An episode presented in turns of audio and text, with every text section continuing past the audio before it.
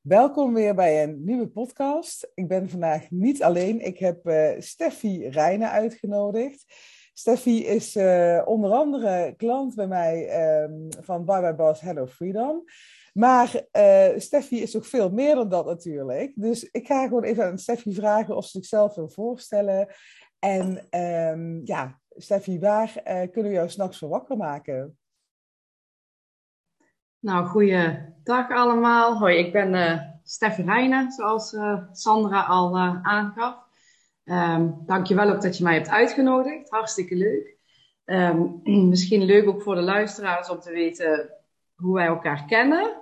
Wij hebben samen op dezelfde HBO-school gezeten, de hotelschool in, in Maastricht. Dus daar kennen we elkaar nog van. En eigenlijk omdat wij elkaar ook beetje zijn blijven volgen, ben ik uiteindelijk ook uh, bij, uh, bij Sandra terechtgekomen. Um, kort misschien eerst even ook over mijzelf. Um, ik ben geboren en getogen in Panningen, dat is Noord-Limburg, daar woon ik nog altijd. Ik woon daar samen met uh, mijn partner Maurice. Um, en wij vormen samen met onze vijf kinderen een samengesteld gezin. Ik heb een, een dochter en een zoon, Diede en Jesse.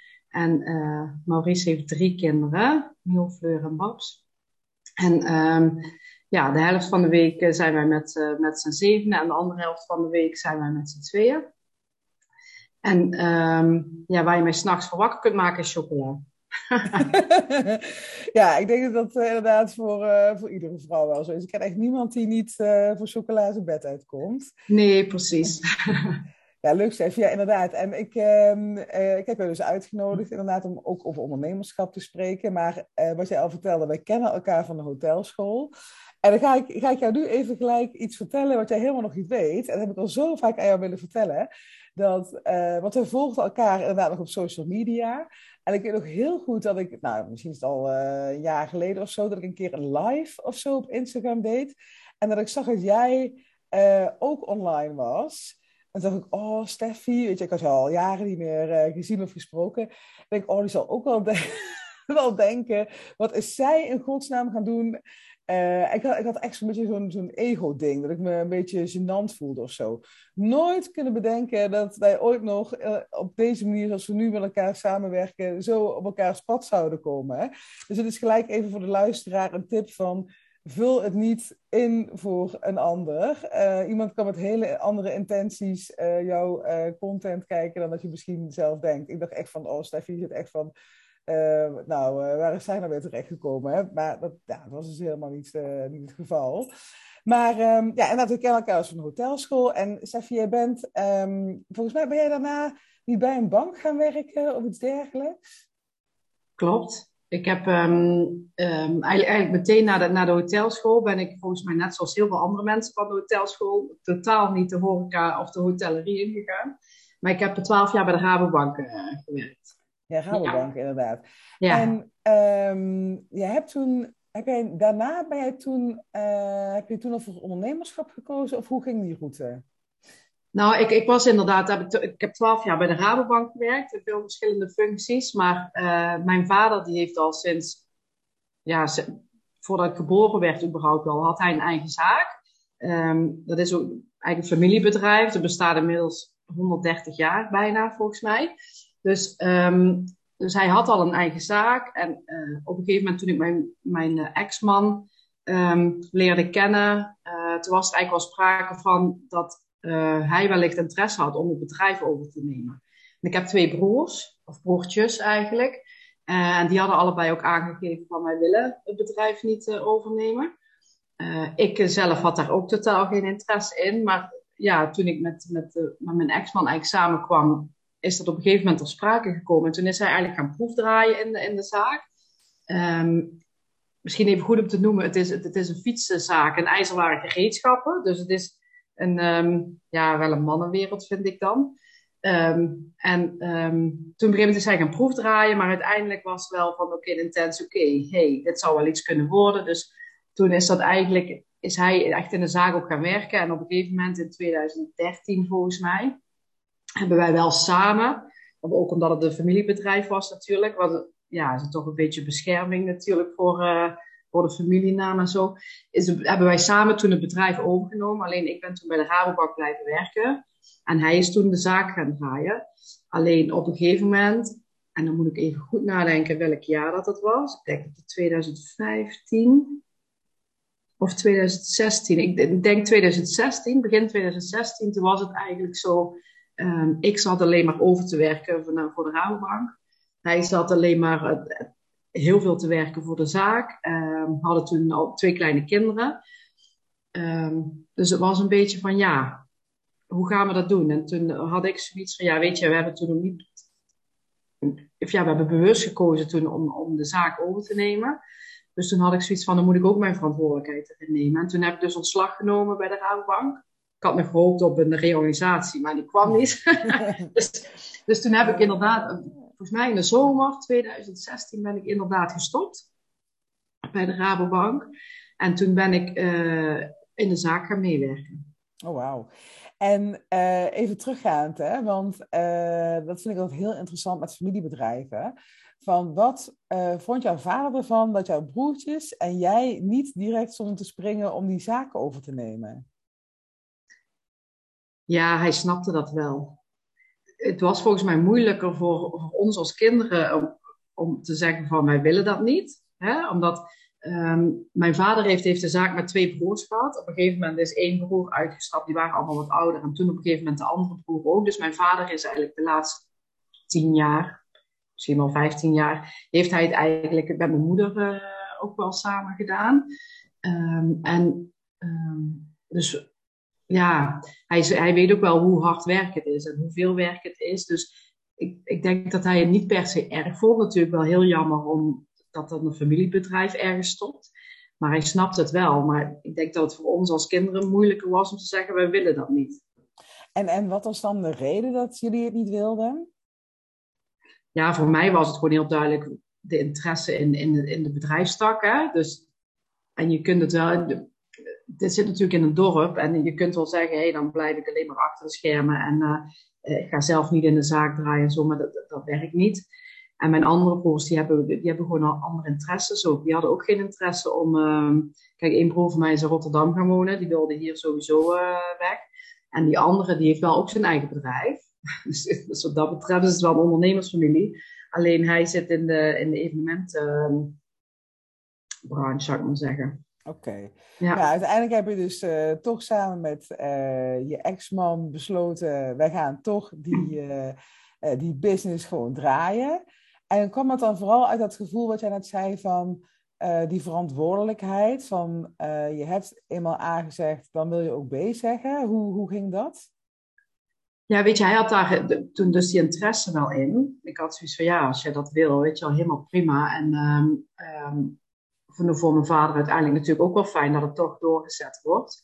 En ja, toen wij alleen maar aan het werken waren en dan heb je kleine kinderen op een gegeven moment, ik dacht gewoon, dat kun je gewoon niet volhouden. Dat is gewoon, uh, um, en, voor hem toen ook niet, voor mijn ex-man niet, maar ook gewoon voor mezelf, dat je dacht, ja, hoe ga je dit doen? Dus toen is het wel echt ook wel een stukje vanuit verantwoordelijkheid. Um, van hey, weet je, dit moet je gewoon gaan doen. En toen heb ik wel echt gezocht van wat zijn de dingen wat ik leuk vind, waar ik energie van krijg. Um, wat ik kan gaan doen. Ik ben toen drie dagen gaan werken. Zodat de andere tijd ook met de kinderen um, thuis was. Alleen uiteindelijk, ja, het grappige is, mijn moeder zei altijd meteen al, ja, Steffi, jij wordt niet gelukkig in de winkel. Dat is te beperkend voor jou, of te klein, of te, mm. ja, daar kun je je ei niet kwijt. Dus uh, ik moet zeggen, in het begin was dat zeker niet zo. maar uiteindelijk heeft ze wel gelijk gehad, denk ik. Maar, uh... Ja, ik kan me voorstellen in het begin dat het een mega uitdaging is. Je wordt gewoon een nieuw uh, bedrijf gedonderd met meerdere taken, lijkt mij. Ja, weet je, en ook echt wel veel werknemers. Toch ook wel, het is echt wel een grote, um, grote winkel. Ik ben af denk hoeveel werknemers waren dat, 15? Oh, wow. meer zelfs. Dus, dus toch ook wel veel. Kijk, en veel dingen gingen vanuit vroeger, hè, dat het natuurlijk jaren zo ging. En op een gegeven moment wil je dat toch ook wat, wat moderniseren en zo. Dus ik ben toen wel echt gericht ook gaan op, uh, weet je, op personeelsgesprekken. Was bij wijze van volgens mij nog nooit geweest. Mm -hmm. uh, wat meer inderdaad ook op de social media. We hebben toen een website uh, helemaal vernieuwd. En um, leuke is ook nog wel in die tijd dat ik toen begon, hadden wij ons ook aangemeld voor de ondernemersprijs van Pelemaas. Dat is de gemeente waar wij uh, wonen. En ehm, die hadden toen het thema familiebedrijven. Dus wij hebben ons toen aangemeld. En uiteindelijk in november was die uh, verkiezing en zo. Maar toen hebben we dus ook eigenlijk de, de um, publieksprijs en de juryprijs allebei gewonnen. Dus dat was wel... Ja. Daar heb ik toen ook wel heel veel tijd en energie in gestoken. Maar dat was toen wel ook wel heel erg leuk. Ook om je bedrijf natuurlijk dan op de kaart te zetten daarmee. Ja, ja gaaf. Dus, um, maar ik ben toen wel, wel vanuit, vanuit verantwoordelijkheid, in combinatie met thuis, hè, met de kinderen, maar wel zoekende naar wat zijn de dingen die, waar ik dan wel ook energie van krijg, wat ik ook vanuit de studie, weet je, of vanuit het vorige werk, zeg maar, geleerd heb. Ja. Dat ben ik toen wel echt uh, ja, gaan zoeken en gaan doen. Ja, ik kan me dat helemaal voorstellen, want hotelschool, heel veel mensen denken altijd van hotelschool, dan leer je alleen maar hoe een hotel werkt. Maar eigenlijk is het gewoon een soort blueprint voor ieder bedrijf. Uh, er komt alles aan bod, hè? marketing, sales, uh, HR, moet op, boekhouding. Dus uh, leuk dat je dat zo hebt kunnen toepassen ook in dat bedrijf. Maar je zei net al, je moeder voorzag al, hier ga je niet gelukkig worden. En ze kreeg gelijk. Hoe, hoe ging dat? Ja, in die zin werden die omstandigheden werden een beetje anders. Want um, um, ik ben toen op een gegeven moment zijn, zijn de vader van de kinderen, ja, we zijn dus uit elkaar gegaan. Hè? Dus um, ik ben toen in 2016 ja, in de zomer eigenlijk gaan werken. En we zijn begin 2017 uit elkaar gegaan. En uh, toen was het wel zoiets van: oké, weet je, dit kunnen wij wel samen. alleen op een gegeven moment merk je toch ja, hoe goed je ook dingen samen kunt regelen. Het is toch niet altijd even fijn als je elke dag uh, nog met je ex-partner zeg maar, op één klein kantoortje zit en uh, samen dingen moet doen. Um, en daarbij, ik merkte ook wel van ja, is dit nu wat ik leuk vind? Of is het inderdaad, kijk, ik werkte toen drie dagen, maar op een gegeven moment toen we uit elkaar gingen, moest ik ook wel meer gaan werken. Dus ik had zoiets van ja, is dit nu wat ik wil? En op het begin riep ik echt van ja, goed, hij gaat maar. Want ja, het is een familiebedrijf. Het is, dus, dus ik moet blijven. Ik denk dat dat ook echt wel een stukje verantwoordelijkheidsgevoel weer was. Van, hey, weet je, dit is mijn ding of ons ding, dus ik moet blijven. Alleen op een gegeven moment, ik weet niet, alles in mij schreeuwde of riep echt van... Steffi, dit wil je niet, dit wil je niet. Mhm. En um, jij moet weg. Laat hem maar blijven of zo, maar dit is gewoon niet waar jij gelukkig van wordt. En toen heb ik dus toch op een gegeven moment... Um, op een maandag. Ik weet de datum niet meer, maar ik weet wel dat het een maandag was. Toen had ik al met een van mijn broers dat weekend gebeld van ja, weet je, ik wil het eigenlijk niet. Ja, die zei, je moet het gewoon gaan vertellen. Ja. Hoe moeilijk dat ook is, zeg maar. Maar uh, toen ben ik dus inderdaad op een maandag, had lunchpauze, dat weet ik nog. Ben ik eerst naar mijn moeder gegaan. Want mijn vader was ook het werken, die had later lunchpauze. Ben ik eerst bij, mijn moeder binnen gaan zitten. Toen heb ik het eerst maar daar gedropt. En um, ja, toen kwam mijn vader binnen. Toen heb ik dus ook maar verteld: je luister, ik wil eigenlijk niet meer. Dus dat was wel, um, ja, dat vond ik heel moeilijk. Ja, het klinkt als een hele heftige beslissing. Um, en en had, nog even teruggaand, had die, die uh, breuk met jouw ex-partner, kwam dat ook doordat jullie samen in dat bedrijf zaten? Nee, dat was eigenlijk, nee, dat, dat had er echt totaal niks mee te maken. Oké, nee, want dat, dat, waarom ik het vraag, dat kan ik me ook nog wel eens voorstellen. Dat je de hele dag al met elkaar aan het werk bent, s'avonds net nog over het werk praat, dat je uh, een beetje van elkaar uh, verwijderd komt. Maar dat ging dus eigenlijk wel heel goed, uh, dat samen. Ja, dat, ging eigenlijk helemaal prima. Ja, ja want je zei ook net van, zelfs nadat die breuk was geweest, dat jullie nog met elkaar samen in dat bedrijf wilden werken. Ja, in het begin wel. Ja. Maar doordat het toch op een gegeven moment krijg je toch wat spanningen. Of ja, het is toch niet altijd fijn als je dan elke dag nog samen zit. En de combinatie van oké, is dit het werk wel wat ik leuk vind? En ja, eigenlijk alles bij elkaar was het toch van oké, dit, dit, dit is het niet voor mij. En jij zei ook van je had een, uh, een gevoel of hè, een gedachte van Steffi, dit wil je niet, dit wil je niet, dit wil je niet. Kan je dat omschrijven hoe dat, hoe dat voelde? En dat vraag ik omdat we heel vaak van dat soort. Um, heel veel uh, vrouwen krijgen uh, af en toe signalen. Um, dat je lijf iets aangeeft of dat de gedachte je niet loslaat. En toch gaan we het negeren. Dus zou jij eens kunnen omschrijven. Hoe voelde dat en hoe ben je daar toen mee omgegaan? Je, je bent erover gepraat met je broer en je moeder. Maar neem ons mee. Hoe, hoe ging dat? Ja, ik denk dat hoe het bij mij vaak werkt, is dat gaat geleidelijk. Dus op een gegeven moment dan, dan heb ik af en toe eens een keer gedacht van oké, is dit wel wat ik wil? Of dan ga ik eens een keer filosoferen over iets anders. Hè? Wat zou ik dan wel willen? Ehm, ook echt wel op de lange termijn denken van hoe zie ik mijn leven voor me? Ehm, is dit wel wat ik wil? Ja, en op een gegeven moment ga ik gewoon in mijn... Ik, bij mij gebeurt dat gewoon in mijn buik. Dan, dan krijg ik gewoon buikpijn. Niet letterlijk, maar wel gewoon, weet je wel, als ik aan bepaalde dingen denk, dat er gewoon echt een steen in die maag komt. Of, ehm, en dan op een gegeven moment laten die gedachten mij gewoon niet meer los. Ja. En dan merk ik gewoon dat mijn emoties hoog zitten. Dat het, dan, dan zit het echt in mijn, in mijn keel. En dan op een gegeven moment, dan moet, ik het, dan moet het er gewoon uit. En dan, dan, dan is het ook gewoon zo. Ja, weet, Ik vind het best lastig om het echt te omschrijven, maar op een gegeven moment dan voel ik gewoon in mijn hele lijf van dit is gewoon niet wat ik wil en dit is gewoon wat ik moet doen. Of juist als ik iets wel wil, is dat ook hetzelfde. Alleen dan werkt het dan natuurlijk andersom. Maar, maar wel echt van, dit is het niet. Kijk, het ondernemerschap vond ik heel leuk. Ehm, eh, maar ja, door de andere omstandigheden. ook, ik denk dat ook echt wel heeft meegespeeld wat de bedrijfstak was. Kijk, het is gewoon niet mijn passie. Als het misschien een sieradenwinkel of een kledingwinkel, noem maar iets. Dan was het misschien alweer een heel ander verhaal geweest. Ehm, maar in dit geval, ja, gewoon echt mijn gedachten, mijn buik, alles bij elkaar. Gewoon van, ja, dit is het niet. Ja, ja mooi dat je er wel naar geluisterd hebt. Want ik weet van mezelf, toen ik op die Zuidas zat, dat ik ook echt, wat jij zei, in mijn buik soms voelde van, dit wil ik niet. Dit, dit, dit, dit, Eigenlijk wist ik al heel lang van, dit ga ik gewoon niet forever volhouden. En dat, dat soort termen, als je dat voelt van volhouden of uh, ik wil niet, of uh, hè, dat soort dingen, dat, is echt, daar mag je echt naar luisteren. En gelukkig heb jij dat gedaan en heb je uh, het op tafel gegooid. En uh, hoe was de reactie? Wat, wat, wat zei uh, je ex-partner en uh, je vader? Toen je, toen ja, mijn ex-partner wist ik toen nog niet. Ik heb toen eerst met mijn ouders besproken. Dus ik heb toen inderdaad oh, ja. eerst mijn vader. Nou, die schok natuurlijk wel. Um, en in het begin was het ook echt wel, oké, okay, moest het natuurlijk even laten bezinken. En dan, en dan ga je natuurlijk denken, oh, hoe moet dat verder en zo. Maar eigenlijk vrij snel ja, dat heb ik denk ik ook wel een stukje van mijn vader, is het wel gewoon meteen de actiemodus. Dus toen meteen, weet je, de accountant gebeld en uh, afspraak gemaakt. Toen ben ik, heb ik wel echt eerst nog een, um, en toen wist mijn ex-man dat ook nog niet. Toen heb ik wel echt eerst een, op een traject via de accountant met een soort coach uh, uh, gedaan. Ook echt wel kijken, oké, is dit ook zeker wat je niet wil? Dus wat komt eruit? Wat, wat zijn de dingen die je leuk vindt? Weet je wel, echt nou, toen, bleek ook wel na dat traject, volgens mij waren het vier vijf sessies of zo.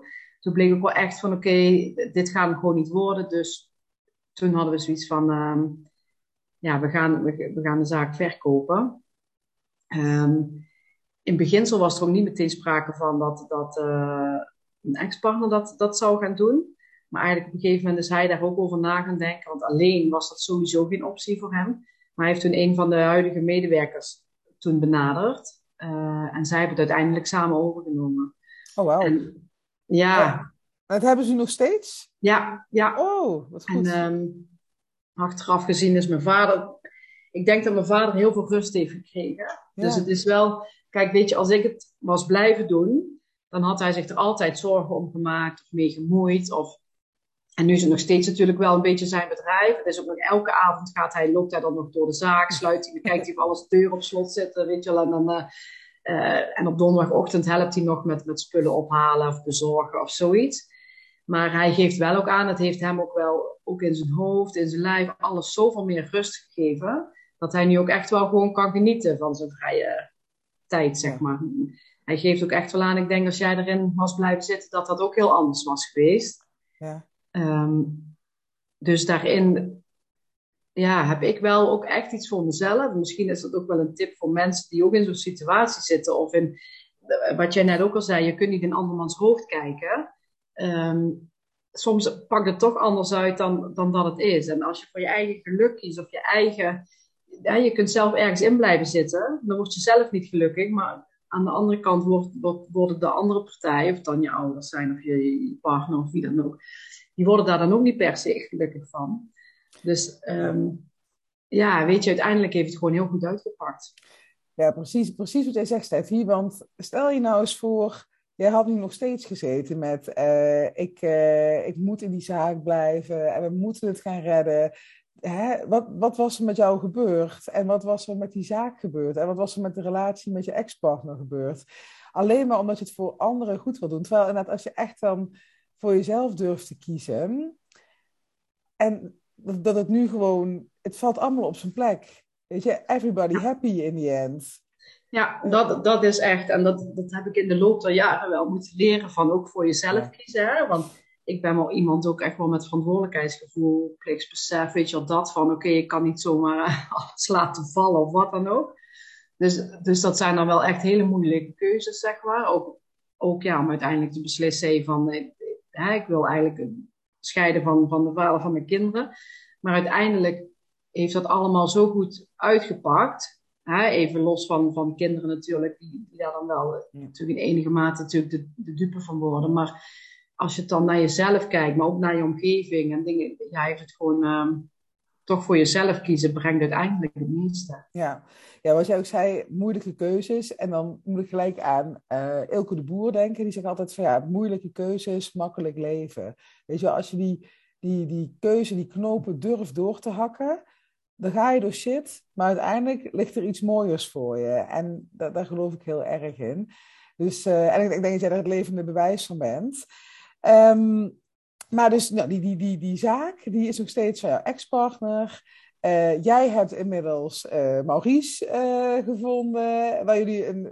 Ik ben ook net zo nieuwsgierig hoe het dan gaat. Zo'n samengesteld gezin met zeven kinderen. Ik, of ja, zeven, zeven, ja, precies, ja, ja. zeven personen inderdaad. Uh, hoe, ja, hoe dat allemaal ruilt en zeilt. Ik, ik, ik ben ook heel groot fan van uh, dat programma Een Huis Vol. Dat, dat gaat wel over, uh, weet ik veel, 8, 9, 10, 12 kinderen. Um, ik denk dat het komt omdat ik zelf enigskind ben en dat ik geen idee heb hoe dat dan allemaal ruilt en zeilt. Dus ik zou het liefst als een mug een keer bij jullie door het huis dwarrelen en kijken hoe dat, hoe dat allemaal gaat. Maar um, ja, je bent dus nu inderdaad, hè, heb je voor een ander leven gekozen. Uh, en toch is ondernemerschap, ondanks dat je die, die um, ijzerhandel, de fietsenwinkel achter je gelaten hebt, toch is ondernemerschap weer op je pad gekomen. Kun je daar iets over vertellen?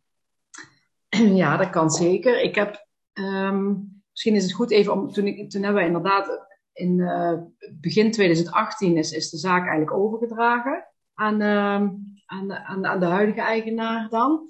En um, ik ben toen op een gegeven moment in maart ben ik al op een andere, bij een ander bedrijf begonnen. Daar ben ik toen, ik heb toen in de tussentijd gesolliciteerd en daar heb ik drie jaar gewerkt als ja, operations manager en customer success manager in een ICT-bedrijf. Um, maar daar merkte ik na drie jaar ook van, ja, is dit niet wat ik wil of niet? toen ben ik dus inderdaad bij een ander bedrijf gaan werken, bij een hele grote uitzendorganisatie. Um, en nou, laat me even, even dat, dus even los van het werk wat ik wilde. Dus inderdaad had ik zoiets van, is dit wel wat ik wil? Parallel daaraan kwam corona. Natuurlijk, eigenlijk al voor, toen bij het andere bedrijf werkte, kwam op een gegeven moment corona. En in de corona zijn wij gaan samenwonen ook. Maurice en ik, we hebben het huis verbouwd. Of mijn huis toen. Nu is het huis van ons samen, maar we hebben toen het huis verbouwd. Zijn we samen gaan wonen. Um, en dat ging eigenlijk wel in, in juli, moet ik even nadenken, dat is juli 2020 geweest. En dat ging eigenlijk wel heel goed, gemoedelijk. Uh, het was natuurlijk corona, iedereen was veel thuis. Dan leer je elkaar ook wel uh, goed kennen. Um, vooral de oudste twee van Maurice, die waren dan op een gegeven moment ook veel vrienden en zo. Maar maar het voordeel in die corona was, ze hoefden niet te sporten, ze gingen eh, weinig weg. Dus um, het leven was eigenlijk gewoon heel relaxed en heel, um, dat ging eigenlijk allemaal goed. toen ben ik dus inderdaad bij een ander bedrijf gaan werken. En op een gegeven moment toen ik daar werkte, een paar maanden, was corona, ja, ik zal niet zeggen voorbij, maar eigenlijk uh, na de zomer van 2021, toen kwam wat meer een leven weer terug. Dus iedereen ging weer sporten, iedereen kon gewoon weer naar school. Um, en toen begon ik eigenlijk te merken van wat het, uh, wat dan als je met z'n uh, zevende bent en als dan, wat er allemaal bij komt kijken. Um, ik zeg altijd, volgens mij is het huishouden, als je alles bij elkaar optelt, met de boodschappen doen, met de was, met de kinderen um, uh, naar sport brengen, weer halen, ergens anders naartoe brengen, uh, zeven of zes bedden. Die, het was gewoon echt alles. Ja, het is gewoon een halve een part-time baan, denk ik, onderhand, wat je hebt, zeg maar. Als je alle uren per week optelt. En toen betrapten wij ons uh, eigenlijk, Maurice en ik, ons samen op van... Um, ja, je bent dan zo druk, zeker in de weekend als de kinderen er zijn. Dan zit je op maandag en dinsdag bij je volle bak bezig weer om alles goed te, de was weer in de kast te hebben, de boodschappen te doen. En het was gewoon elke keer zo tegen de klok ook van, oké, ze komen weer. Dus, en echt net daarvoor had je eigenlijk alles weer op orde en dan begon het weer. en um, wij vinden dat allebei helemaal niet erg om te doen, want we zijn hartstikke blij dat, dat als de kinderen komen, want dan liefst heb je ze natuurlijk altijd bij je. Um, alleen in combinatie met het drukke werk wat wij allebei hadden. Um, ik werkte 32 uur, Maurice werkte 40. En, maar goed, die 32 uur waren ook vaak meer. Ging op een gegeven moment ook weer gewoon. Eigenlijk hetzelfde als wat ik toen had.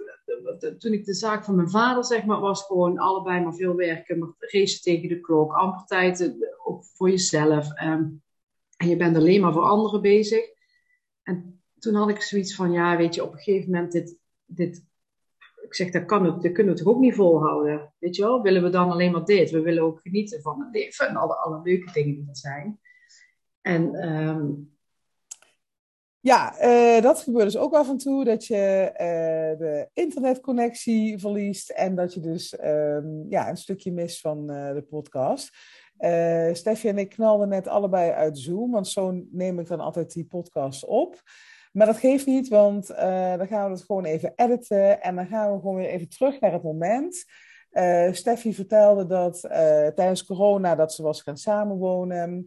En met het samengestelde gezin, met vijf kinderen, dat eigenlijk allemaal best wel heel soepel ging.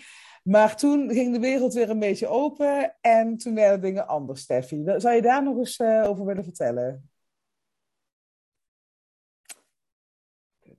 Jazeker. Dus um, toen werd inderdaad hè, corona. corona die ging, ja, die ging naar de achtergrond, zullen we maar zeggen. Want weg was het niet. Want uh, later kwam natuurlijk weer een lockdown. Maar toen ging de wereld weer open. En toen merkte je, oké, vijf kinderen die, die, twee of drie keer in de week sporten. Die, waar je dus de hele zaterdag eigenlijk op, op allerlei sportvelden te vinden bent. En alles wat erbij komt kijken, brengen, halen, kijken. Uh, de was, het huishouden. Ehm, ja, toen merkten we eigenlijk allebei van jeetje, het is toch ook wel heel druk. Ook al ondanks dat ze eigenlijk maar de halve week bij ons zijn, is het gewoon de tijd dat ze er niet zijn, ben je daar alsnog heel veel mee bezig. En uh, toen hadden wij zoiets van ja, is dit nu wat we willen? Elke keer, uh, elke maandag, dinsdagavond alleen maar met de was bezig zijn. En uh, wij vinden het zelf ook wel leuk om, om dingen voor onszelf te doen.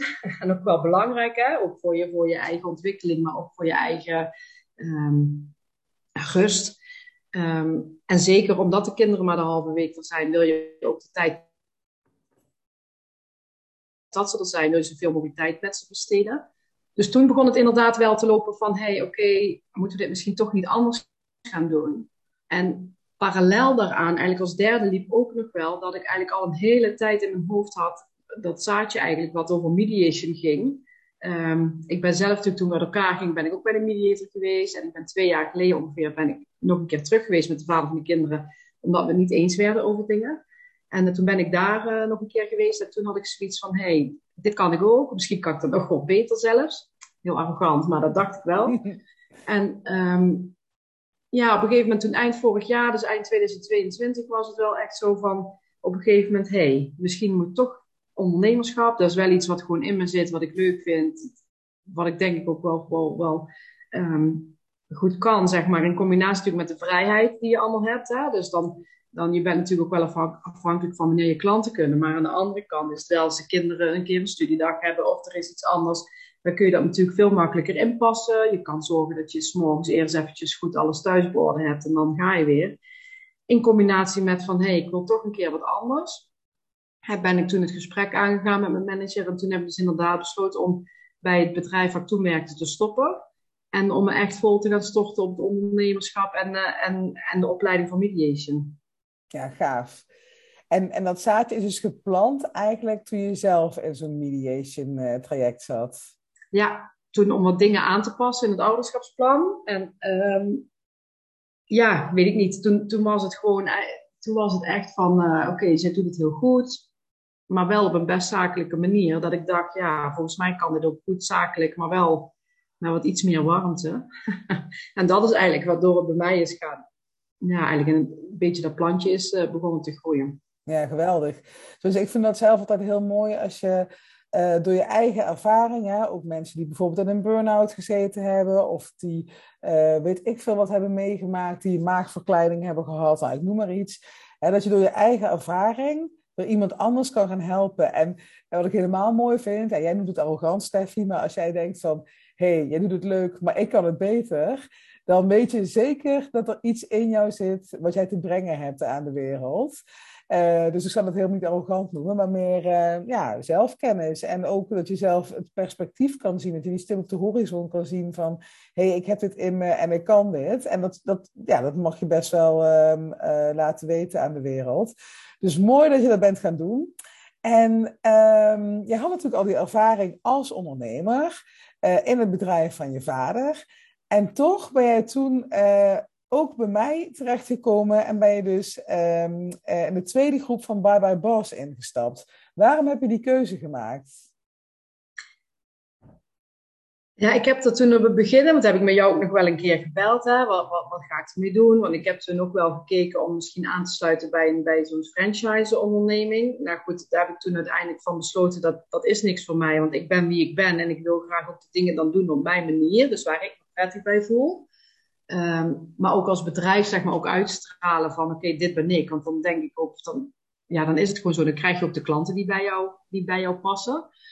En ik ben jou toen inderdaad al, ik volgde jou altijd al. En op een gegeven moment zag ik inderdaad ook wel steeds vaker van die, van die lives of zo voorbij komen. Of van die, van die stories hè, waar je vertelde wat je deed. En uh, ja, het begon me, ik vond het steeds meer interessant. En toen heb ik inderdaad ook het webinar, hè, wat, jij, uh, wat jij geeft, heb ik toen gevolgd.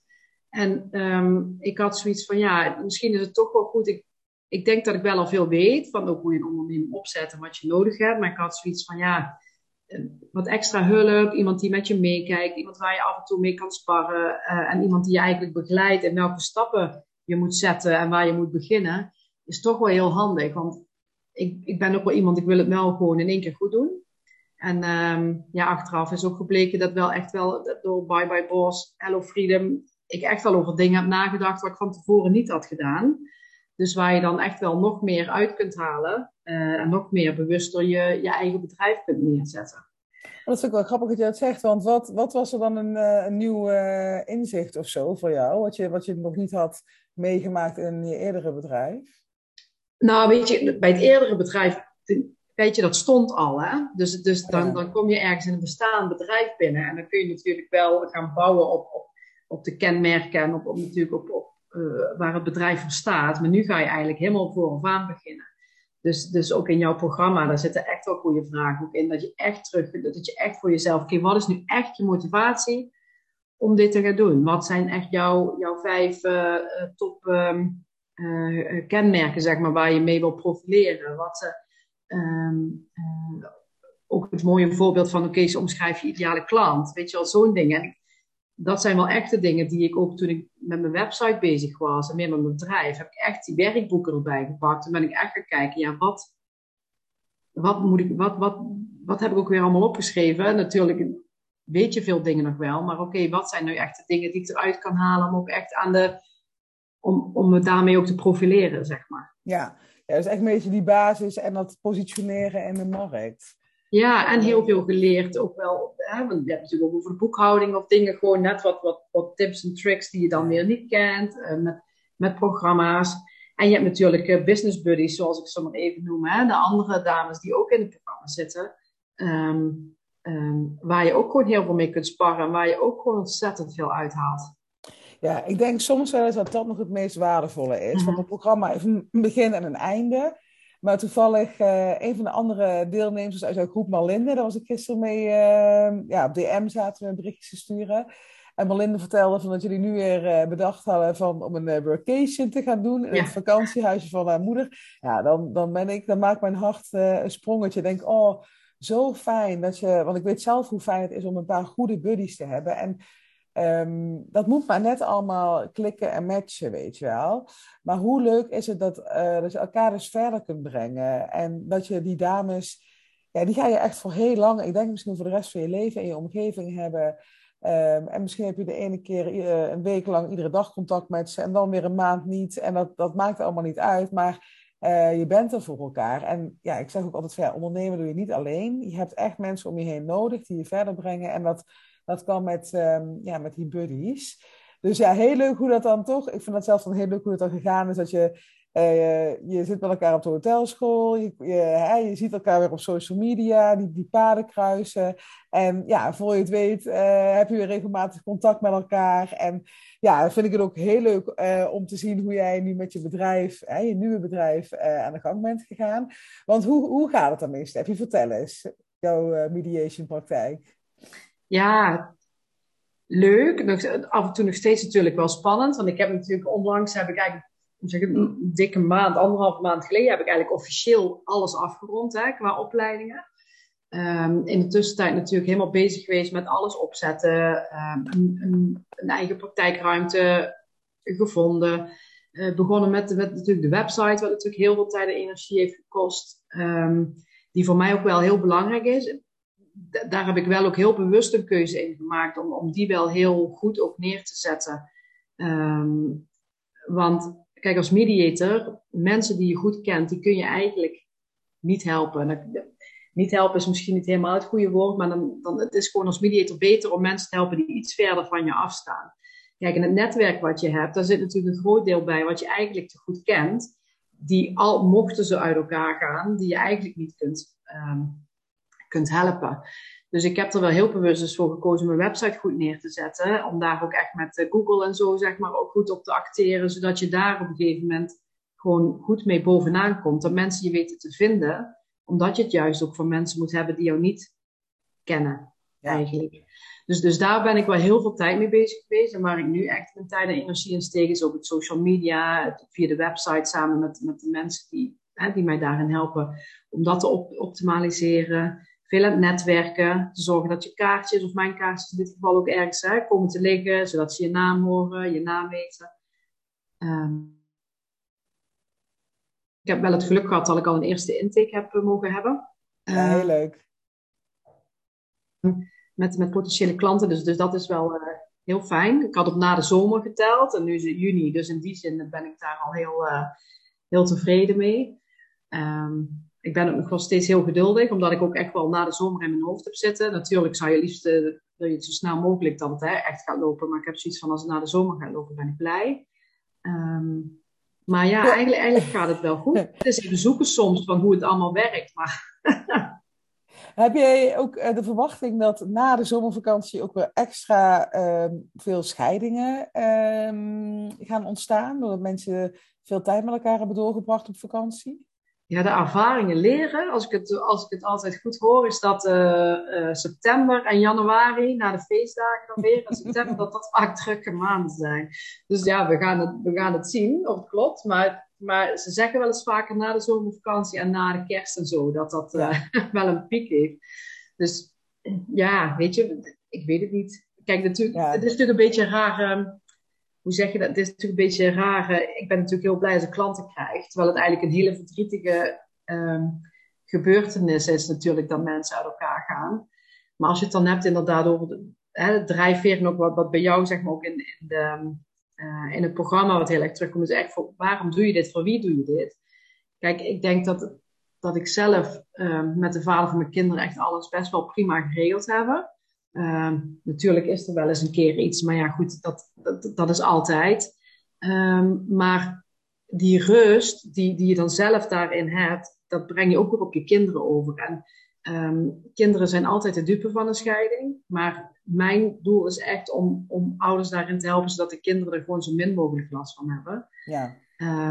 Dus als het dan zo is dat ze uit elkaar gaan, nou goed, dan mijn dochter zei ja, dan is, het, dan is het wel goed dat ze dan bij jou komen. Dus dat ja, precies. Dan...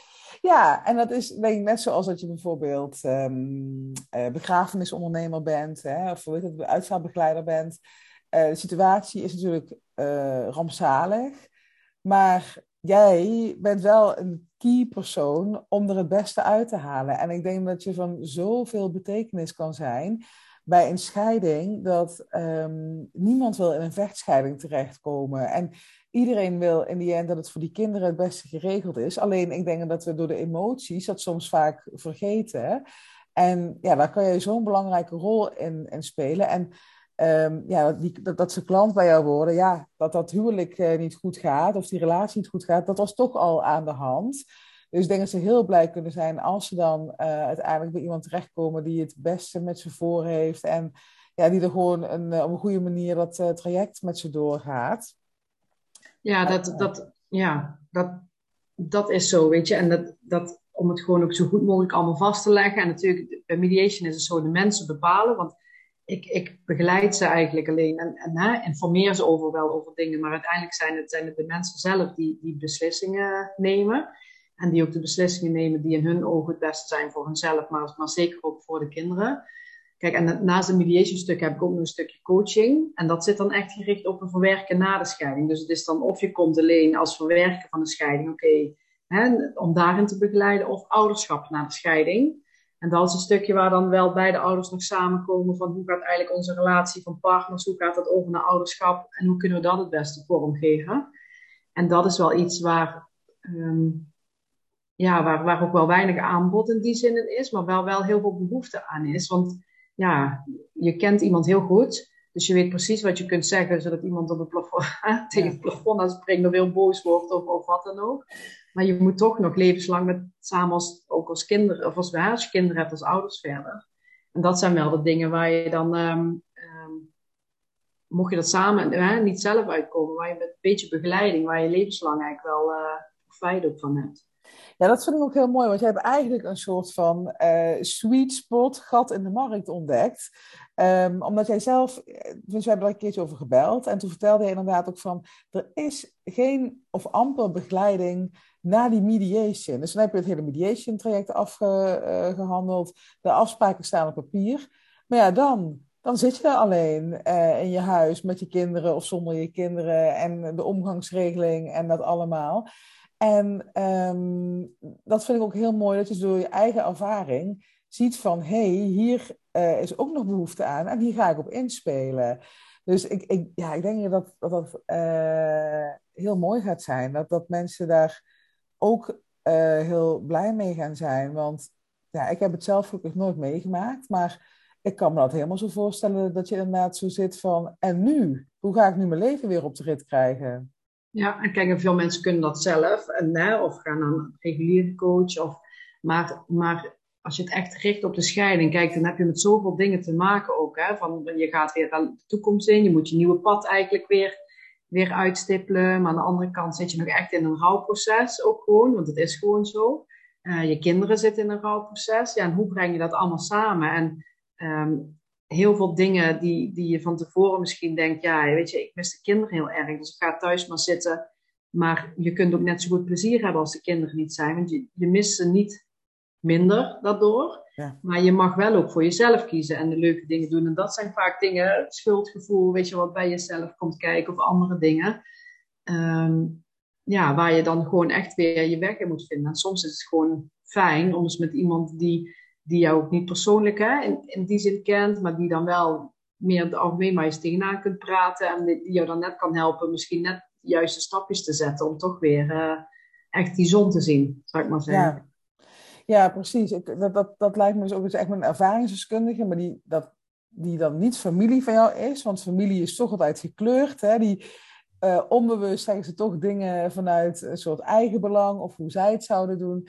Maar als je inderdaad met een neutraal persoon kan praten, ja, dat lijkt me echt uh, helemaal uh, geweldig. Ja, dat, dat is het vooral, denkt Sandra. Dat, dat het, het um, niet je familie of vrienden, want die, die praten toch met je mee vaak, onbewust hè, en met alle goede bedoelingen.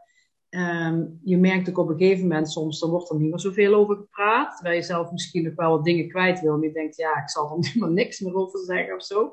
En dan is het toch ook fijn als het met iemand anders uh, kan. Dat kan ik me ook zo voorstellen inderdaad. Dat dan, in het begin is de uh, omgeving natuurlijk ook helemaal in shock. Maar op een gegeven moment is het voor hun alweer het nieuwe normaal. Maar jij zit nog in dat ja, rouwproces, denk ik eigenlijk wel dat het is. Ja. Want je laat ja. iets achter. En ja, denk dat ook eens als je, ja, iemand verliest in je omgeving, dat dan ook vaak de mensen in je omgeving in het begin heel erg betrokken zijn. Maar pas na een maand of twee, drie, dat het, dat het rouwproces bij jouzelf dan uh, echt inklapt. En dan is eigenlijk, ehm, ja, dan, dan is het voor anderen al een soort van klaar en een strikt eromheen. Dus hoe fijn is het dan als je nog met iemand kan praten die precies weet waar jij uh, hebt gestaan. Dus dat, dat ja, ja, ik zie er echt wel uh, iets moois in. Oh, dan hoop ik dat hij... Steffi, hoor je me nog? Ja, oké, okay, die verbinding, uh, het blijft toch een dingetje. Um, ja, ik hoor, ik hoor je nog. Ja, ja, hij blijft haperen, maar ik hoor je wel.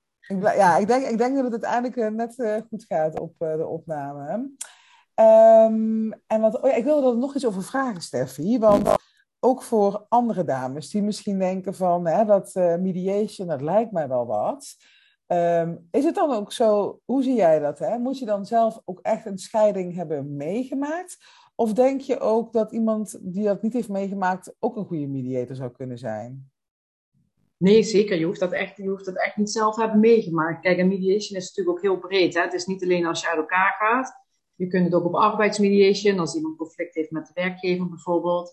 Je kunt het binnen familie, uh, binnen familieruzies, burenruzies. Het kan op heel veel gebieden. Um, dus, in die zin heb je een basisopleiding en dan kun je je specialiseren. En ik heb gekozen dus voor de familie- en echtscheiding um, specialisatie. Puur eigenlijk omdat, um, ja, wat is mijn drijfveer? Hè? Wat ik straks zei, echt eigenlijk voor de kinderen van mensen die uit elkaar gaan. Dus ik had zoiets van, ja, ik voel me daar ook het, meeste verbonden bij. En daardoor denk ik ook dat ik daar gewoon de meeste uh, aan kan bijdragen. En niet om mijn eigen situatie te spiegelen op, op, op de andere mensen, maar juist gewoon omdat je wel dingen voelt en weet hoe mensen dingen voelen. Um, en dat je wel ook ervaring hebt op punten, kun je ze wel informeren over dingen. Je kunt natuurlijk wel op een beetje in die zin tips geven. Uh, probeer hier aan te denken of hier aan. Maar uiteindelijk beslissen de mensen zelf. Maar ook als jij um, zelf niet hebt meegemaakt, kun je een heel goede mediator zijn. Het is vooral wat belangrijk is in mijn ogen, is je moet met mensen kunnen verbinden, uh, het vertrouwen kunnen geven aan de mensen en heel goed kunnen luisteren wat ze zeggen en daarop op doorpakken. Dus het is, um, kijk, ook hoe meer mediations je dan gedaan hebt, dan heb je natuurlijk ook weer meer ervaring. Dan krijg je die ervaringen ook vanzelf. Um, Kijk, want ik denk dat het, een, het kan een voordeel zijn dat ik het zelf heb meegemaakt. Ik denk dat je in sommige situaties moet je ook gewoon opletten dat je niet gaat zeggen, oh ja, bij mij dit, bij mij dat. dat maar dat is iets waar ik me wel heel bewust van ben. En um, dat ik ook echt besef heb, iedere situatie is anders, ieder mens is anders en iedereen moet het doen op zijn of haar manier. Het enige wat ik uit ervaring, bijvoorbeeld één voorbeeld wat ik, wat ik wel echt mensen mee wil geven is, oké, okay, jullie bepalen zelf tot welk detail je iets wil afspreken. Maar hoe minder details, hoe meer overleg er uiteindelijk nog tussen jullie nodig is. En elk overlegmoment is een potentieel conflictmoment. Dat klinkt weer heel zwaar, maar het is wel een potentieel. Als je gaat overleggen en je bent het niet eens, kan er toch weer iets ontstaan. En als je die afspraken aan het begin maakt, hoe goed je ook op het begin al met elkaar hè, door één deur kunt en denkt van, oh, dat overleggen we later wel. De situatie kan zo anders zijn dat je niet meer. En, en dan is elk overlegmoment een potentieel moment dat je het niet eens bent en dat er toch, toch weer een, een klein ruzietje of ja, een conflict kan ontstaan. Dus ja. kijk, dat zijn wel de dingen, omdat je die zelf hebt meegemaakt, kun je dat meegeven. Maar uiteindelijk beslissen mensen zelf wat ze doen. Ja, ja en ik kan me toch ook wel voorstellen ergens dat uh, de klant tuurlijk, hè, je moet niet iedere situatie op jezelf gaan uh, betrekken. En oh ja, toen gebeurde bij ons dit en dat. Maar ik denk wel, als je inderdaad dus een punt van herkenning hebt, dat de ander best wel kan helpen. Dat ze dan een soort voelen van: oké, jij weet waar wij doorheen gaan, jij snapt ons. En, uh, of dat ze nieuwe inzichten kunnen krijgen van: oh, dat heb jij toen zo en zo op dat moment gedaan. Dus dat, dat, dat zou denk ik ook kunnen bijdragen. Of, of vind jij dat echt niet professioneel om dan je eigen verhaal uh, nee, te ik, ik, ik, ik, denk juist zeker, en je voelt wel aan of dat kan, hè? Ja. die ook tegenover je zit. Maar ik denk dat dat juist wel ook die verbinding kan zijn van die, die klik die je dan met mensen hebt, die er dan weer extra voor kan zorgen dat ze inderdaad het begrepen dan toch net wat meer op tafel leggen, wat meer open durven te zijn. Ja, hey, en Steffi, ook nog even, hè, dat vraag ik me dan ook af, van um, stel je voor, hè, dan luistert nu iemand en die denkt van, ehm, ja, ik weet het niet of ik moet gaan scheiden. Of, ja, eh, of zal ik het toch nog proberen? Of heb je daar tips voor? Wanneer, ga, wanneer moet je die knoop doorhakken? Ja, dat vind ik een hele lastige. Want dat is toch ook wel echt ieder persoonlijk. Hè? Want de een gaat er toch anders mee om. En de een heeft, heeft net wat andere normen en waarden. Of net wat meer hè, waar ze zelf voor staan. Ja, bij mij was het toen op een gegeven moment ook gewoon... Ja, ook alles in mijn lijf schreeuwde. Net zoals ik toen zoiets had van... Ik wil eigenlijk stoppen met de zaak. Schreeuwde toen ook alles in mij van... Dit is gewoon klaar. Um, en dan is het op een gegeven moment gewoon doen. Ja, dat klinkt heel makkelijk, dat is het niet. Maar op een gegeven moment is het gewoon vertellen tegen iemand. Uh, natuurlijk met je partner ook. Hè, dan je partner van over hebben. En als, op een gegeven moment als je denkt, dit is klaar. Vertel het gewoon tegen iemand anders. Dan wordt het meer werkelijkheid. Dan kun je ook niet meer zo snel... En terug, ja, niet meer terug, dat klinkt ook van. Maar op een gegeven moment is het ook gewoon wat het is. En het is een hele moeilijke stap. En het is een hele rollercoaster waar je doorheen gaat qua emoties en alles wat er moet gebeuren. Maar als je alles binnen jouw lijf roept van dit is het niet en ik word er niet gelukkig van en ik zie mezelf eigenlijk ergens anders. Ja, dan is het op een gegeven moment toch gewoon doen. Ja. En um, kijk, wil je het nog proberen of wil je, kijk, dan, dan is het echt, dan moet je echt naar een relatietherapeut of zo. Hè? Dat is dan geen mediator waar je naartoe gaat. Bij de mediator kom je pas echt als je echt uit elkaar wil of in ieder geval bij mij. Ik weet dat er ook wel mediators zijn die wel dat voortraject doen. Maar um, om te kijken of je wel of niet uit elkaar gaat. Maar bij mij is het zo, op het moment dat je echt besloten hebt, dan kun, dan kun je bij mij komen om alles gewoon samen goed te regelen. Um, maar ja, wanneer besluit je dat? Ja, dat is echt ieder afhankelijk. Maar ik denk dat alles binnen jezelf dan ergens wel goed van, nee, stop, alarmlichten, dit wil ik niet. Ja. En dan is het een kwestie van doen. Ja. Maar dan is het eigenlijk eerst een gevoelskwestie en vervolgens kom je uh, rationeel in de actiestand. Ja, dat denk ik, zoiets. Ja. ja. ja, bij mij is dat wel zo. Maar kijk, ik denk dat dat wat dat betreft veel op gevoel zit. En een beetje rationeel kun je bewijzen van al jaren denken, dit is het niet en ik wil dit eigenlijk niet. Maar zolang jouw gevoel nog iets anders zegt, ja. Uh, ja, dan is het heel makkelijk om te blijven om iets te doen. Ik denk dat pas het moment dat, dat ja, dat je echt ook qua gevoel denkt, ja, dit moet ik gewoon niet meer doen. Dan moet je er gewoon echt inderdaad rationeel actie gaan ondernemen en gewoon echt gaan doen. Ja, dat is denk ik ook wel weer een mooi bruggetje naar hoe dat met jouw bedrijf ging. Uh, dat je op een gegeven moment toch echt voor jezelf uh, durft te kiezen. Uh, hoe moeilijk het ook voor de omgeving is. Maar dat uiteindelijk alles dan toch alweer op zijn pootjes terechtkomt. Dat je daar echt wel op mag vertrouwen. En uh, ik ben altijd een gigantische doemdenker. Als ik in zo'n situatie zou zitten, zou ik echt denken: de wereld stort in, vergaat en uh, het komt nooit meer goed. Maar ja, toch door voor jezelf ook te kiezen. Uh, eigenlijk kan je gewoon niet anders. Je kan niet iemand anders zijn leven gaan leiden en blijven volhouden. Dus inderdaad, als je dat voelt, van dit is het niet, dat je er ook echt naar mag luisteren, wat de gevolgen ook uh, zijn. En, en Steffi, kan je ook um, terug naar dat moment. Had jij, wat, wat, voor gevoelens had je? Had je bijvoorbeeld angst voor de toekomst? Of uh, hoe, hoe voelde je op dat moment? Je die of, misschien voelde je jezelf wel heel krachtig. Dat je dacht van, ik ga dit doen en ik ga het gewoon redden in mijn eentje. Hoe, hoe, voelde jij je? Ja, ik denk dat dat uiteindelijk de grootste stap die, die voor mij, zeg maar, die ik moest nemen, um, was wel echt van ja, is, of het dan schaamte is of zo, weet ik niet. Maar het is natuurlijk wel ook van, eh, je zit ook samen in een bedrijf, je weet niet wat dat gaat doen. Um, schaamte in die zin ook dat je, ja, je gaat niet voor niets met iemand trouwen of iemand dingen, weet je, dat je denkt, ja goed, dit is het. Of, uh, um, en dan toch het, dat het dan toch mislukt, hè? dat dat, dat heb wel. Ik, ik had niet zozeer angst of zo, ik had zoiets van, ik kom er wel, ik red het wel. Um, en ook echt wel met de mensen om me heen, zeg maar, die, waarvan ik wist, die helpen me wel. En, uh, dus dat had ik, had ik minder. Kijk, ik kan me ook voorstellen als je, als je dat minder hebt of, of in een bepaalde positie zit, dat je denkt, ja, kom ik er wel. Maar ik ben er zelf wel echt van overtuigd, is dat het uiteindelijk, en bij de ene duurt het wel langer en de andere is misschien wat sneller, maar uiteindelijk komt het echt allemaal wel op zijn pootjes terecht. En ik kan me ook voorstellen dat er heel veel angst is voor de kinderen. Want uh, ja, kijk, dupe worden ze sowieso. En het is natuurlijk het liefste willen ze vaak, niet altijd, maar vaak toch wel van hé, hey, ik wil mijn ouders samen zien. Maar soms is het ook de vraag, als er als er veel ruzies zijn of iets anders, ja, is dat het dan voor de kinderen? Hè? Dus het is, je kunt het uiteindelijk toch vooraf niet bepalen of niet zien. En ehm, daarin heb ik wel echt, geloof ik zelf wel, als je voor jezelf kiest, je voelt echt wel ook dan voor je kinderen wat, wat goed is of niet goed is. Uh, en als je die keuze durft te maken, dan komt het uiteindelijk wel ehm, op zijn pootjes terecht.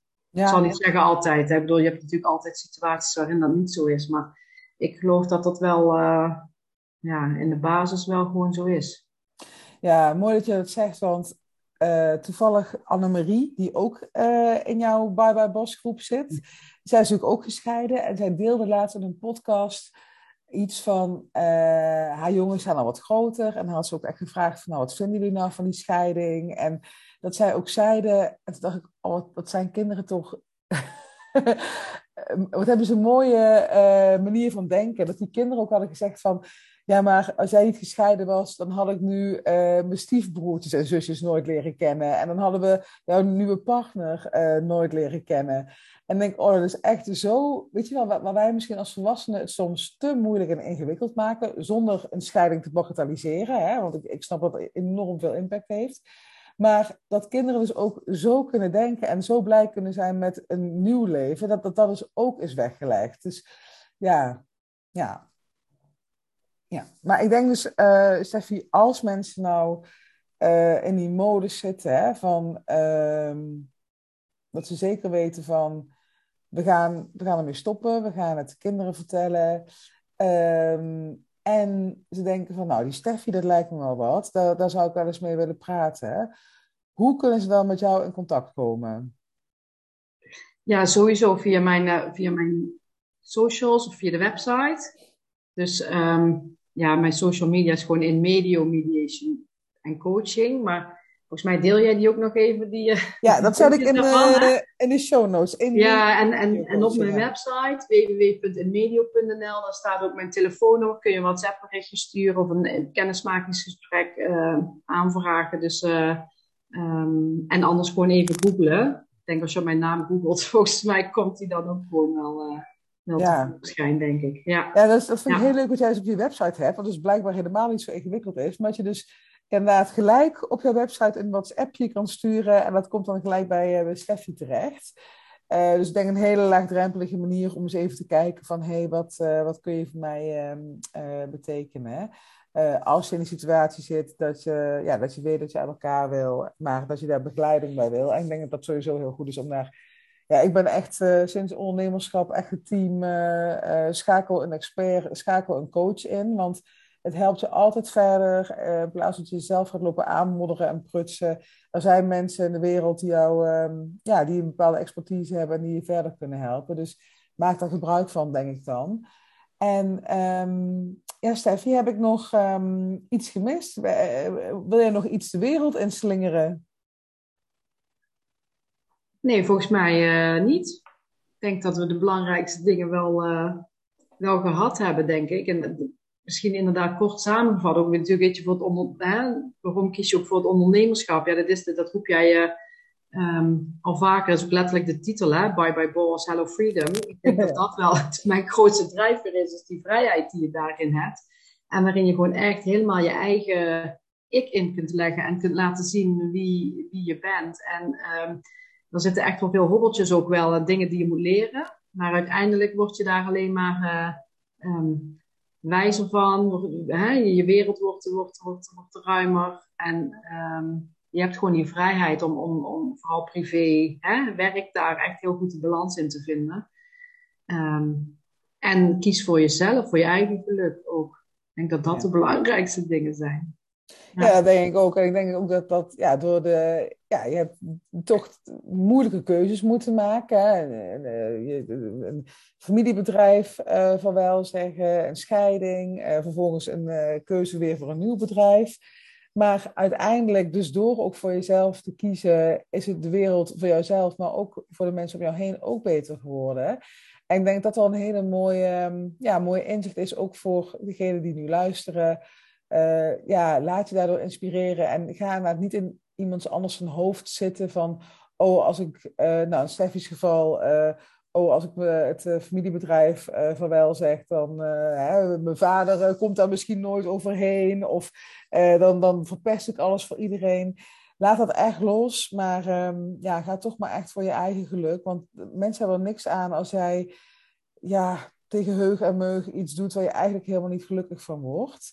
Dus dankjewel Steffi dat je dat willen delen. Ik denk dat het um, ja, voor heel veel vrouwen ook um, kan helpen. Uh, misschien kracht kan geven in moeilijke situaties om dan toch een bepaalde keuze te maken. Dus ja, heel erg bedankt voor het interview. Um, ik ga hem ook afsluiten, want ik, ik vertelde net al, ik moet om half elf, moet ik hier, ik zit nog in een hotelletje in uh, Zandvoort, ik moet eruit en het is nu precies half oh, elf. Dus ik ga hem snel afsluiten en dan ga ik hem online zetten en uh, delen. Um, heel erg bedankt nogmaals en ja, wij houden sowieso nog wel uh, contact.